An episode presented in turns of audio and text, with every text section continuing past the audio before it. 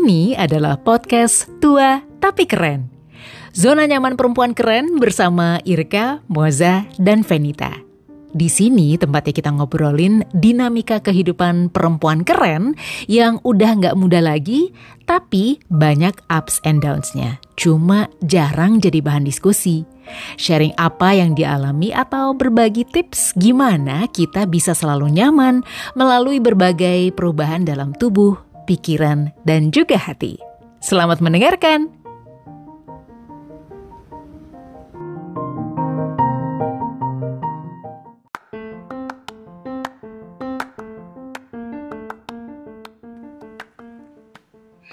Hai perempuan keren, nama saya Venita, umur saya 52 tahun, profesi saya sekarang ini jadi konten kreator, jadi produsernya tua tapi keren, selain itu juga masih mengisi suara alias menjadi seorang voice over talent. Oh, umur berapa, Ven? 52. Nah, kapan mulai merasakan perubahan menstruasi? Oke, jadi kalau ngomongin uh, masa pre-menopause itu sebenarnya menurut gue mulai usia 40 tahun setelah melahirkan anak kedua itu uh, sebenarnya udah mulai ada perubahan.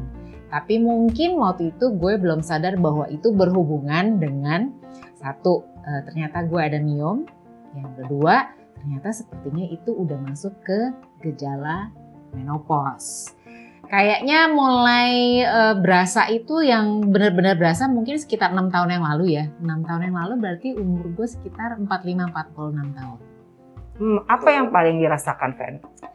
Oke, okay, uh, eh, jadi kurang lebih tuh pada saat anak gue umur 2-3 tahun, di situ menstruasi gue itu bisa parah banget. Parah banget tuh ya, itu tuh bisa gini loh. Uh, kayak misalnya gue berasa nih, oh oke okay, mulai mens, oh mulai uh, sakit perut mau mens.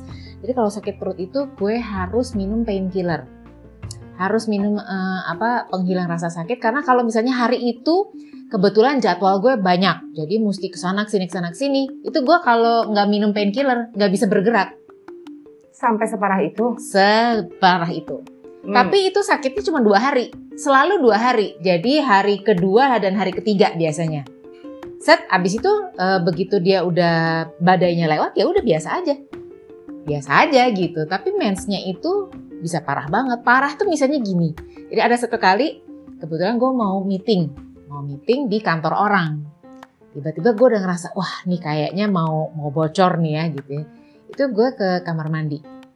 Gue ke toilet itu belum sampai gue uh, buka celana mau ganti itu si mensnya itu keluar di luar toilet karena belum sampai. Itu lar gitu loh.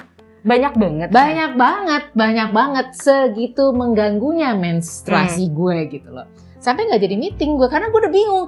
Ber pertama bersihin toilet orang gimana caranya gitu kan. Yang kedua kayaknya udah nggak konsen boro-boro mau meeting ya gitu. Kayaknya pengen buru-buru pulang. Kurang lebih kayak gitu. Jadi ada masa-masa di mana yang kalau lagi mens hari kedua atau hari ketiga biasanya gue sangat menghindari untuk ada kerjaan dan juga menghindari untuk pergi dari rumah karena begitu duduk lama di mobil kena macet tuh ya gue duduk senewan udah gini. Atau gini? Karena kalau duduknya mantep gini ya ya kan? Lama nih sejam di jalan. Wow begitu berdiri. Duar wah wah. Bisa langsung wah zeret langsung. Waduh gue udah tahu. Aduh nih pasti bocor nih pasti ke mana-mana gitu. Kurang lebihnya kayak gitu gitu. Mens yang banyak itu lo pernah konsultasi ke dokter? Pernah. Jadi gue akhirnya hmm. jadi gue akhirnya ke dokter kemudian dokternya bilang bahwa ternyata gue itu ada miom. Tapi memang si dokter itu memberikan tiga pilihan. Yang pertama, miomnya saja yang diangkat ya. Yang kedua, dia bilang e, ya udah kalau mau sekalian angkat rahim. Jadi dipastikan lo nggak akan lagi merasakan hal seperti ini. Yang ketiga, dia bilang ya udah tunggu aja sampai menopause. Gitu. Nah, setelah nah, menopause jadi dia bilang kalau dia bilang pokoknya lo tunggu aja kalau mau lo tunggu sampai lo menopause ya udah itu akan semua gangguan ini akan berhenti.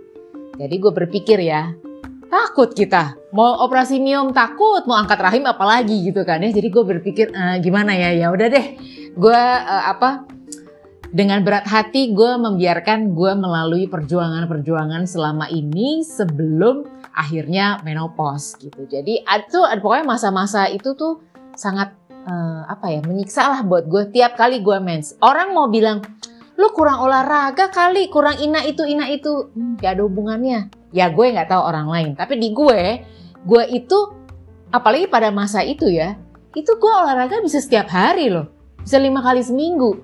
Terus termasuk orang yang oke okay, diet ini diet itu ya segala macam. Maksudnya gue tipe orang yang cukup concern pada kesehatan. Jadi uh, walaupun nggak sempurna gitu tapi gue banyak membaca dan segala macam. Jadi uh, itu semua ya pada akhirnya tetap lo mesti lewatin sih gitu. Maksudnya ya mau lo makan sehatan, olahraga segala macam, mungkin itu baik untuk kesehatan, tapi apakah itu membantu mengurangi uh, kesakitan gue dan segala macam sih enggak.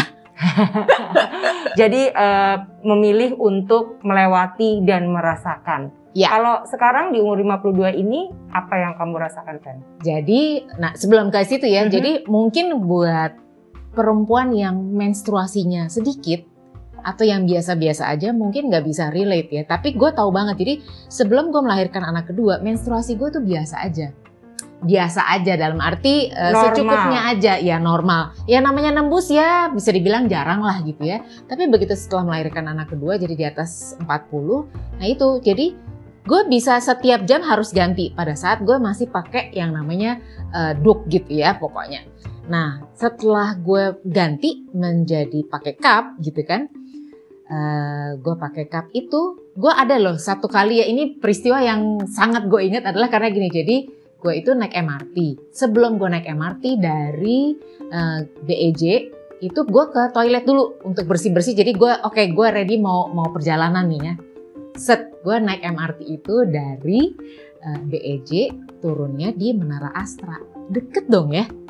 Deket Banget. dong it's like 15 hmm. menit gitu kan? Hmm, hmm Oke, turun, set, terus gue udah naik, udah udah udah naik ke atas tangga, jadi udah mau jalan kaki menuju uh, apartemen gue. Set, begitu gue udah di luar di jalan, tiba-tiba gue rasa, set, set, set, set, luar gitu loh. Gue gini, anjrit, ini gimana caranya? Toilet jauh hmm. ya kan, rumah masih jauh juga. Ayo mesti gimana ini gitu loh. Akhirnya ya udahlah, nggak ada jalan lain jalan kaki karena kalaupun itu di toilet umum nggak bisa ganti karena gue nggak bawa ganti kan. Pokoknya sangat tidak nyaman dan gue akhirnya sampai di rumah udah panik dan segala macam itu eh, nggak uh, cukup cupnya.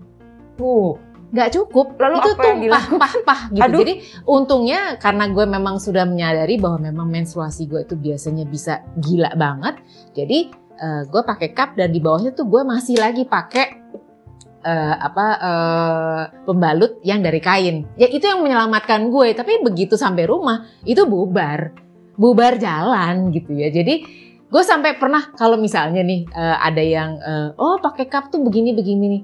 Enggak, kalau yang lo deres mah sama aja. Mau kata mau nampungnya banyak ya buktinya di gue mah nggak nampung ya. Banjir gitu. ya banjir. Banjir tuh hmm. banjir dan itu tuh hanya memakan waktu kurang lebih setengah jam ya.